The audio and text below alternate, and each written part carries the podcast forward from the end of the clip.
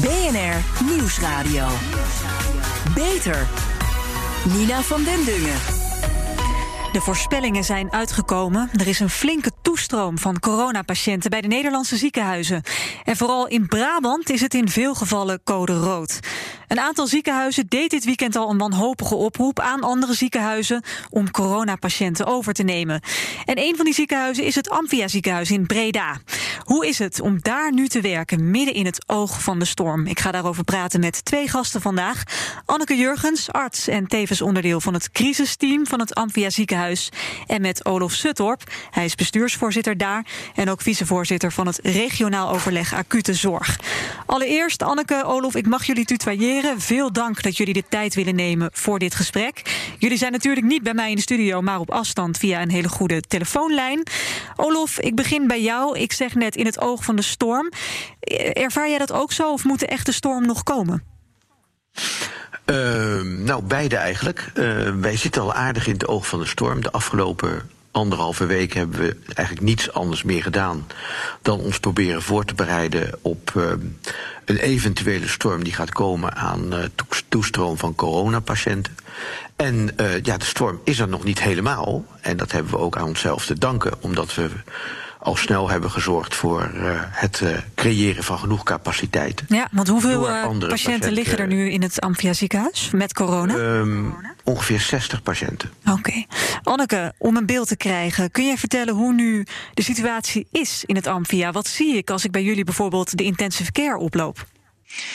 Nou, dan zie je dat mensen aan het werk zijn eigenlijk in hun gebruikelijke proces. Mensen zijn heel goed getraind, weten wat ze moeten doen op een intensive care. En eigenlijk is er voor hun dus op dit moment niet echt iets veranderd. We hebben een gebruikelijk proces wat alleen geoptimaliseerd is voor een snellere instroom van een groter aantal patiënten. -hmm. En uh, neem me eens mee. Ik, ik weet niet hoe het is op zo'n afdeling. Staan de bedden allemaal naast elkaar of zijn dat aparte kamers? Wat, wat gebeurt daar? Alle bellen staan op aparte kamers. En dat is niet anders dan gebruikelijk. Mm -hmm. En er zijn, dan hebben we het over de meest ernstig zieke patiënten. Hè? Hoeveel zijn dat er nu in het Amphia? Ja, de aantallen worden dagelijks uh, uh, naar buiten toe doorgegeven. En uh, vanmorgen hadden wij tien patiënten op onze intensive care liggen, specifiek met dit probleem. Ja, en dan hebben we het dus over de ernstig zieken. Um, Olof zei net dat er zo'n 60 mensen in totaal bij jullie met corona zijn. Die liggen dan dus, het gros ligt op een andere afdeling. We hebben eigenlijk verschillende stromen waar patiënten met dit ziektebeeld uh, zijn. De grootste stroom van patiënten komt natuurlijk binnen via onze spoedeisende hulp. Vanuit daar gaan patiënten of naar een afdeling waar allemaal patiënten met dit ziektebeeld liggen, een gewone verpleegafdeling. En daar hebben we meerdere uh, afdelingen voor vrijgemaakt. En daarnaast gaan er ook patiënten naar het intensive care. Ja. En liggen ook op die verpleegafdeling alle mensen op een aparte kamer? Ja, in ons ziekenhuis worden alle patiënten op een aparte kamer verpleegd. Oh, je zegt in ons ziekenhuis. Is dat in andere ziekenhuizen misschien anders? Misschien anders? Ik kan alleen over ons ziekenhuis spreken. Ik, uh, ik werk hier in het Amphia en dus ik zorg ervoor dat wij in, in ons ziekenhuis, in onze nieuwbouw, hebben wij allemaal eenpersoonskamers. Mm -hmm. 572 uh, eenpersoonskamers hebben wij. Ja, en daar kunnen, kan dan ook nog familie op bezoek komen, bijvoorbeeld bij de mensen gewoon op de verpleegafdeling? Op de gewone verpleegafdeling, dus daar waar de niet uh, zieke uh, coronapatiënten liggen, kan gewoon bezoek komen. Maar dat is natuurlijk wel beperkt. We hebben ons net zo goed als in de rest van Nederland uh, beperkt tot één patiënt, één bezoeker per patiënt. Mm -hmm. En dus we, we, proberen de stroom van mensen die in ziekenhuis inkomen te beperken. Ja, nou is het zo dat er dus tien mensen op de intensive care liggen. Zij zijn ernstig ziek, zijn liggen, nou, neem ik aan, aan de beademing. Zijn zij wel bij kennis of hoe ziet dat eruit? Nee, patiënten op een intensive care zijn, uh, als ze beademd zijn, niet bij kennis. Nee, dus daar komt ook geen familie naartoe? Op de intensive care uh, uh, kan er wel bezoek plaatsvinden tussen op bepaalde tijdstippen. Ja, en die mensen zijn dan ook waarschijnlijk helemaal in een beschermend pak, net zoals het verplegend personeel? Ja, Hm. Olof, vanuit Italië horen we heftige verhalen. Um, mensen die alleen sterven, dat soort toestanden. Die zien we nog niet in Nederland, toch? Nee, gelukkig niet. Uh, wij proberen dat natuurlijk tot alle prijs te voorkomen. We hebben gezien hoe dat in Italië loopt. En wij hebben dus met de Brabantse ziekenhuizen, waar het probleem, zoals u terecht in de inleiding zei, het ergste is, hebben we geprobeerd om samen een oplossing te vinden door uh, patiënten uit te plaatsen naar ziekenhuizen boven de rivieren. Mm -hmm. En zo proberen we onze capaciteit uh, vrij te houden voor de zieke patiënten die bij ons aankomen. Dus we proberen echt met elkaar in het land nu een spreiding te creëren Waardoor wij, waar we de meeste stroom nu zien, uh, de patiënten goed kunnen blijven opvangen. Zonder ja. de tafereelen die we helaas in, uh, in het ziekenhuis in Bergamo hebben gezien. Ja, want is echt capaciteit het probleem in Italië? Um, ja, dat kan ik niet helemaal overzien. Ik vind het een erg mooi land, ik kom er graag. Maar uh, deze, de structuur van de gezondheidszorg ken ik daar niet heel goed. Nee. Uh, nee. Wat ik nu wel zie is dat er een uh, grote toeloop is op een, in een hele korte tijd. En wij proberen nu in Nederland, ook met de maatregelen die wij nu hebben... om te zorgen dat die capaciteit wordt uitgesmeerd in de tijd. Dus we proberen als het ware de epidemie te vertragen... door de interactie tussen mensen te verkleinen. Ja, toch nou, zijn er... in Italië te laat gebeurd. Ja, precies. En dan gaan wij er dus voor nu vanuit van het goede scenario dat wij niet uh, die weg opgaan. Daar gaan jullie allebei nog steeds vanuit, Olof, Anneke? Ja, wat ik wilde zeggen is dat wij in Amphia zeker voorbereid zijn op een scenario waarbij er veel toestroom, veel patiënten uh, naar, een naar ons ziekenhuis toekomen. En ik denk dat wij uh, optimaal inzetten op die, die patiëntenstroom te, verwerken in ons ziekenhuis. Dus we proberen patiënten via een spoedeisende hulp zo, zo goed uh, mogelijk te helpen, te onderzoeken en zo snel mogelijk ook naar een andere afdeling door te verhuizen. Mm. Dus dat betekent dat die patiënten optimaal gezien worden op een spoedeisende spoedeisende hulp en vervolgens op een uh, andere afdeling verder geholpen worden. En zolang we die doorstroming goed houden, zijn we ook in control. En uh, weten we ook dat daar uh, niet van die, hopelijk niet van die taferelen ook komen. Zoals we in sommige andere ziekenhuizen in Italië zien. Ben je er wel bang voor ergens, Anneke, dat het kan gebeuren? Nee, zolang we zorgen dat wij deze maatregelen die we genomen hebben um, doen zoals we ze nu bedacht hebben en uitgewerkt hebben. We hebben maximale mankracht ingezet. We uh, leiden speciaal ook alle medisch specialisten op om, ingezet, uh, om in te kunnen zetten. We zorgen dat we voldoende materialen hebben. We hebben de processen goed doordacht, juist om deze grote toestroom van patiënten te kunnen verwerken. Ja. Ik vind ook echt dat wij uh, met ons personeel, met alle medewerkers, met alle medisch specialisten en het bestuur van het ziekenhuis uitstralen dat we in controle zijn en de rust hebben. Ja, dat is natuurlijk uh, heel belangrijk. Dat iedereen ook vol de goede moed erin houdt. Want hoe is de stemming nu onder het personeel, uh, Anneke? Loopt men al op het tandvlees of is er echt nog die goede moed? Nou, er is echt goede moed. Er is ontzettend veel positieve energie. Uh, wat we echt merken is dat iedereen uh, um, um, heel hard aan het werk is en optimaal deze processen mee inricht, optimaal meedenkt. Uh, dus er is zeker hele goede moed. En waar we ook voor zorgen is dat we, als het dadelijk echt druk wordt en die grote patiëntenstroom komt, dat we mensen ook echt mentaal en fysiek gezond houden. En daar zijn we nu ook al um, uit voorzorg mensen in mee aan het nemen en aan het begeleiden, zodat ook iedereen het dadelijk, als die grote drukte er is, en die zal ook niet zomaar over zijn, het ook echt vol gaat houden. Ja, heel belangrijk. Heel veel van mensen in deze fase van voorbereiding al.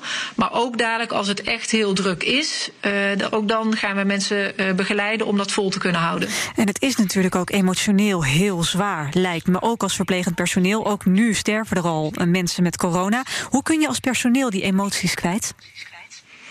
Nou, we beginnen iedere dag met een team. En dat uh, is een medisch team wat bestaat uit medisch specialisten, uh, artsassistenten, verpleegkundigen. Die beginnen met een dagstart en eindigen ook als team. En zowel aan de start van die dag uh, als ook aan het einde van de dag is er absoluut een moment waarop we ook dit soort dingen bespreken. Dus daar is continu aandacht voor om juist ook de uh, verwerking van wat je in dat uh, blok meegemaakt hebt in die dienst, om daar ook aandacht voor te hebben. Uh, en als er meer hulp nodig is dan alleen dat gesprek of dat moment, dan staan daar ook mensen voor klaar om daarin te begeleiden. Ja, en jij neemt zelf ook deel aan het crisisteam, Anneke. Wat doet dat team precies?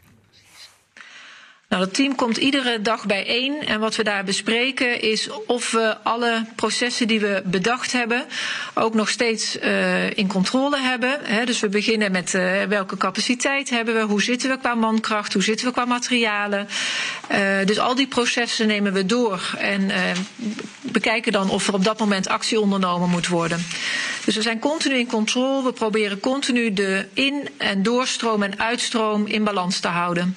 Olof, um, jij bent vanuit het regionaal overleg betrokken bij het uh, verplaatsen van patiënten. Op dit moment dus vanuit Brabant naar uh, ziekenhuizen boven de rivieren.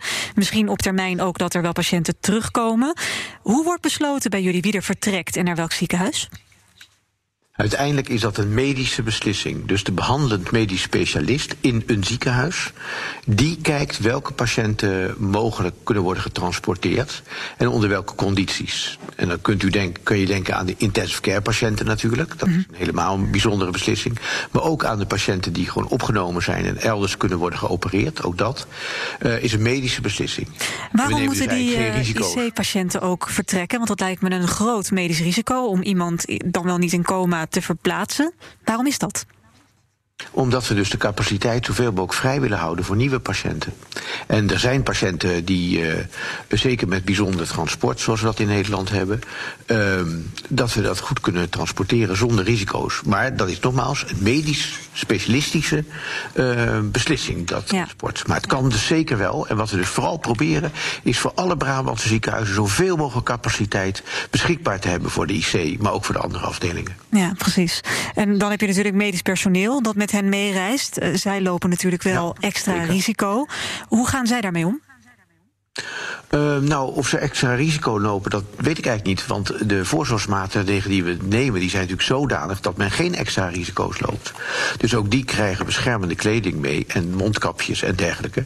En die, die zullen dus uh, uh, wat dat betreft goed beschermd zijn om de patiënt heel goed te vervoeren en een goede overdracht te verzorgen. Beter. BNR Beter staat deze week natuurlijk volledig in het teken van het nieuwe coronavirus. Vandaag spreek ik met Anneke Jurgens en Olof Suttorp van het Amphia ziekenhuis in Breda. Dat is een van de ziekenhuizen die te maken heeft met een grote toestroom van besmette patiënten. Olof, half maart waarschuwde je al voor de overbelasting van de IC, de intensive care. Het is code rood, zei je toen. Is die boodschap opgepakt en voldoende serieus genomen? Uh, nou, ik denk het wel. Als ik zie wat we het afgelopen weekend voor contact hebben gehad met de rest van Nederland en ook met de autoriteiten. En als we dan nu een uh, werkelijke commandostructuur hebben waarbij we dus uh, met elkaar de code rood goed kunnen verwerken. En dat is eigenlijk zoals ik net vertelde in de spreiding van de patiënten. Dan denk ik dat we heel goed zijn gehoord als Brabantse provincie. -hmm. Ik hoorde wel dat een aantal ziekenhuizen in eerste instantie geen coronapatiënten van, van Brabantse ziekenhuizen wilden overnemen. Nou, het is duidelijk dat we nog een week geleden konden spreken over een twee snelheden in Nederland. Maar uh, we hebben via onze professionele contacten heel snel gezorgd dat onze andere regio's ook zijn aangehaakt. En u kunt zich voorstellen dat wij als ziekenhuisdirecteur in Nederland elkaar allemaal wel kennen. En we hebben heel wat afgebeld de afgelopen ja, weken. En ja, dat, dat, heeft wel een, ja, dat heeft wel een, een klimaat uh, gegeven van we gaan elkaar helpen. Anneke, uh, we zagen het afgelopen weekend drommen mensen in de natuur, op het strand. Terwijl er overal oproepen waren om dat niet te doen, om binnen te blijven. Wordt de ernst van de situatie onderschat? Nou, ik denk door sommigen wel. Ik denk ook dat het heel moeilijk is voor uh, mensen om nu er nog niet door iedereen gezien wordt wat het virus teweeg brengt, om dan al voorzorgsmaatregelen te nemen. Het is makkelijker als er een probleem is om je aan te passen, dan dat je uit voorzorgsmaatregelen dingen moet doen. Maar ik zou echt iedereen oproepen om geef gehoor aan deze oproep om afstand te houden van elkaar, om sociale contacten te beperken, want alleen daarmee kunnen we de verspreiding voorkomen. Ja. Dus het is echt belangrijk dat mensen daarnaar luisteren. Ja, en is er dan te zeggen hoe groot een kans is op besmetting als je bijvoorbeeld met z'n allen naar een park gaat of een strand of, of de trein neemt of zo? Nee, ik denk niet dat je dat uh, zo kunt zeggen als iedereen dat doet. Wat we wel weten is dat iedereen die besmet is, besmet heel makkelijk twee tot drie andere personen. Dus de besmetting gaat heel snel door als we niet met elkaar zorgen dat we afstand houden en onze sociale contacten beperken. Ja, en een lockdown, is dat nodig, denk je? Nou, daar ga ik geen uitspraak over doen. Ik denk dat we met z'n allen ook nu al kunnen bedenken dat als we ons houden aan die afspraken, er niet per se een lockdown uh, uh, nodig is op dit moment. En, maar of dat gaat komen of niet, daar ga ik nu geen uitspraak over doen. Maar laten we met z'n allen gewoon ons uh, al gedragen naar de maatregelen zoals die geadviseerd zijn. Ja. jullie, maar ook andere ziekenhuizen en huisartsen zien eigenlijk nu bijna alleen maar coronapatiënten. Dat betekent dat er heel veel mensen zijn voor wie de reguliere zorg en de behandeling wordt uitgesteld. Dus als de coronadrukte straks vermindert, dan staat de rij mensen die de reguliere zorg nodig hebben alweer voor de deur. Eh, kan je daar nog op inspelen? Nou, daar kan ik zeker wat over zeggen. Ik denk dat het heel belangrijk is als ik namens Amphia praat, dat het zeker niet zo is dat patiënten die geen corona hebben hier niet geholpen worden. Er zijn zeker nog heel veel mensen die hier ook wel geholpen worden. En dat, eh, er lopen zeker ook gelukkig nog gewoon processen door. Dat is natuurlijk wel heel erg beperkt, omdat we heel veel capaciteit vrijmaken, juist voor die grote toestroom van patiënten. En wat wij hier ook echt wel proberen, is daar een balans straks weer in te vinden. Dus nu maken we heel veel capaciteit vrij, maar zodra we zien dat straks de stroom van patiënten weer afneemt, gaan we ook weer opschalen in welke patiënten we wel weer kunnen gaan zien. Ja. En, het dus aantal, ja. en het aantal coronapatiënten dat in het ziekenhuis belandt, laten we zeggen op de intensive care, hoe lang liggen zij gemiddeld uh, in, een, in een bed? Nou, daar kan ik nu ook nog niet alle uitspraken over doen. Maar wat we wel zien is dat uh, ja, mensen gemiddeld minimaal twee weken echt wel daar liggen. Dus het zijn geen mensen die maar uh, één of enkele dagen daar liggen. Maar ik zou dat uh, advies eigenlijk aan andere intensivisten, aan experts over willen laten. Ja. Maar het zijn in ieder geval mensen die daar langdurig liggen.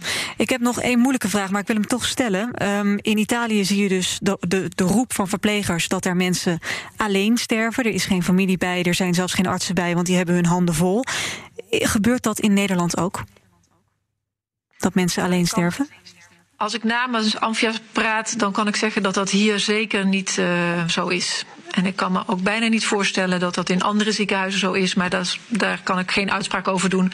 Maar in Amphia zijn we uh, echt in controle. We hebben de, de, instroom, de doorstroom. De mensen krijgen echt de zorg op de afdelingen die ze mhm. nodig hebben. Er is aandacht voor patiënten. We zorgen zelfs dat ze um, de meest optimale voeding krijgen die ze in deze situatie nodig hebben. We zorgen dat ze met fysiotherapeuten uh, begeleid worden. We, dus er wordt echt nog steeds optimaal voor deze patiënten gezorgd. Het is echt niet zo dat. Uh, nou, dat ze suboptimale zorg krijgen. Dus nee. dat zou ik echt willen benadrukken dat we in Nederland echt nog niet in die fase zijn.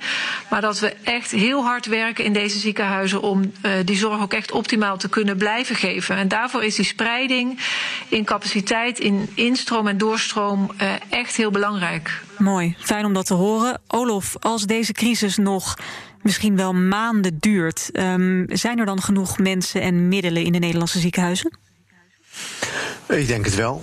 Ehm, de middelen is natuurlijk een uh, punt. Uh, met name de mondkapjes, dat heeft u natuurlijk al verder gezien. Uh, daar zullen we toch ook echt in Nederland zelf een productielijn voor moeten gaan opzetten, is mijn stelling. Omdat het buitenland wat dat betreft nu te onbetrouwbaar geworden is in de leveranties. daar, zullen we, daar zijn ook allerlei initiatieven inmiddels in Nederland gaande om dat gewoon weer hier te gaan produceren. Mm -hmm. Ik denk qua mensen dat wij natuurlijk altijd al een tekort hebben in sommige functies van de zorg. Maar als ik zie naar de gedrevenheid van onze mensen en ook het regime dat wij nu in Amphia hebben, waar Anneke net ook al over vertelde, dan denk ik dat we dat behoorlijk goed kunnen uh, voor de, voor de, volhouden voorlopig. En ik ben er ook heel trots op om dat te zien, dat mensen onder moeilijke omstandigheden uh, eigenlijk toch uh, gewoon doorgaan met hun werk en met ja. hun ja. intentie daarin. Dus ik geloof Zeker. dat we heel lang verder kunnen. Maar ik hoop natuurlijk dat we snel een eind zien aan deze periode. Dat Alleen, is ja, zeker dat, wat dat iedereen wil. Niet, in zicht op dit moment. Nee, gelukkig hebben zich wel duizenden vrijwilligers aangemeld met een zorgachtergrond. Die willen allemaal helpen. Zijn er al mensen, dit soort vrijwilligers, bezig in het Amphia ziekenhuis? Nou, ik moet u zeggen, um, dat is nou misschien een geluk bij een ongeluk. We hebben natuurlijk de laatste jaren best veel kritiek gehad als zorgsector.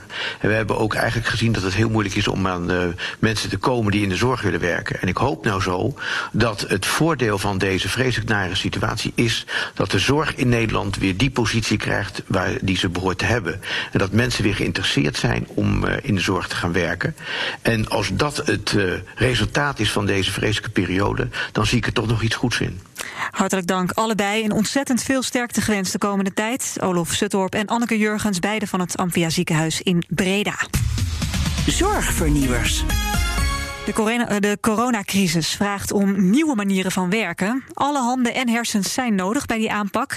Dus dan is het natuurlijk heel nuttig als duizenden ingenieurs, allemaal knappe koppen die nu voor een groot deel thuis zitten, samen gaan nadenken over hoe ze de zorg kunnen helpen. Daar ga ik over praten met Jan Wind, voorzitter van Kivi, de beroepsvereniging van ingenieurs. Meneer Wind, jullie roepen ingenieurs op om dus met hun kennis nijpende problemen op te lossen. Um, ik denk dan dus meteen aan de mondkapjes, daar waar een groot tekort aan is, de beademingsapparatuur. Gaat het inderdaad daarover? Klopt. Uh, goedenavond. Goedenavond. Het, gaat, ook over, het gaat ook over andere dingen. Even nog één ding rechtzetten. Ik ben geen voorzitter van Kivi, maar ik ben wel lid van het hoofdbestuur. En, uh, bestuurslid van Kivi bij deze. Ik ben bestuurslid, ja. Die, uh, ik moet mijn voorzitter ook de kans geven. Begrijpelijk. ja, dus die, de mondkapjes, de, de, de beademing, wat voor problemen nog meer?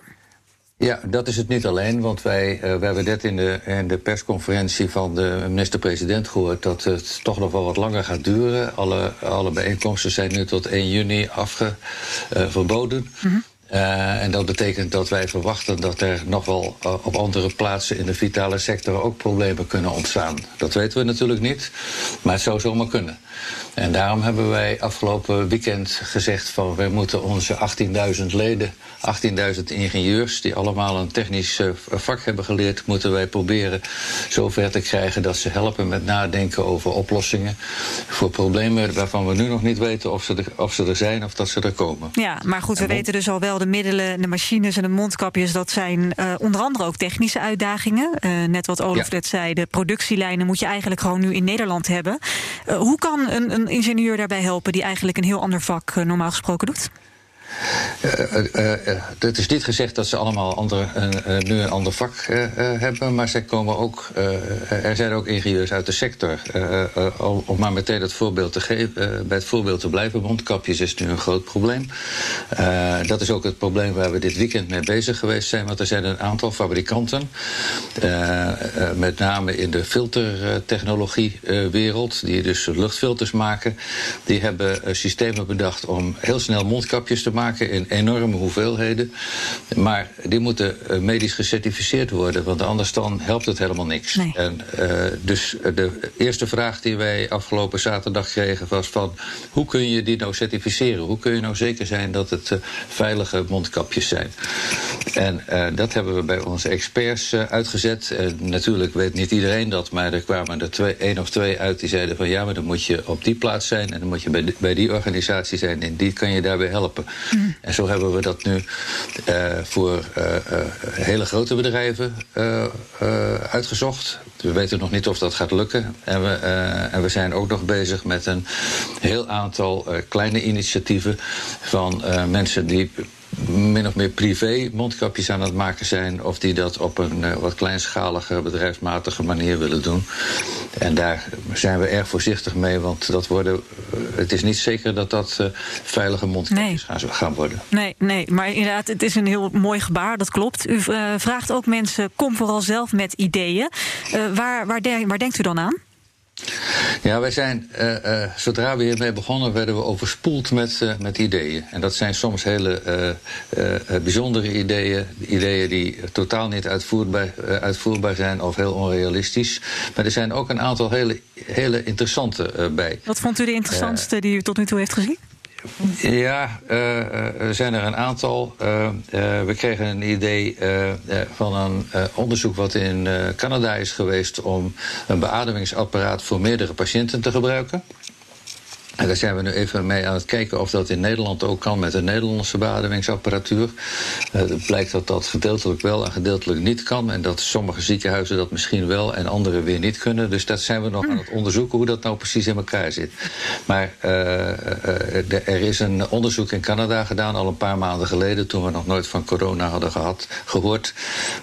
dat er negen mensen op één beademingsapparaat Zo, aangesloten konden Dat zou wel goed helpen, ja. Dat helpt goed. En die, maar nogmaals, ik lees overigens vandaag dat er op meerdere plaatsen hier naar onderzoek wordt gedaan. Want wij zijn natuurlijk niet uniek of alleen. Nee. maar we willen graag helpen met, met deze kennis in te zetten. iemand anders die kwam, iets totaal anders. en dat kwam dus ook uit een hele andere sector. Die zei van we moeten allemaal anderhalve meter afstand houden. ja, ja, als we nu eens een keer iedereen verplicht een app laten installeren die uh, detecteert dat er een andere telefoon binnen anderhalve meter afstand is. Slim, ja. En dan heel hard, heel hard gaat piepen. Uh, dan nou, houden we wel afstand. Kijken ja, dat zou, dat zou dat zomaar kunnen. We, we, weten ook niet of dat echt gaat helpen, maar zo, het zijn, soort ideeën. Het zijn goede ideeën. Zijn, ja. zijn we naar aan het kijken. Nou, en, een supermooi initiatief. Op bnr.nl staat de link naar de site van Kivi, waar mensen zich kunnen opgeven en uh, kunnen meedenken. En voor nu ontzettend bedankt en veel succes, Jan Wind van het Kivi. Tot zover deze aflevering van BNR Beter. Natuurlijk terug te luisteren via bnr.nl en ook de app.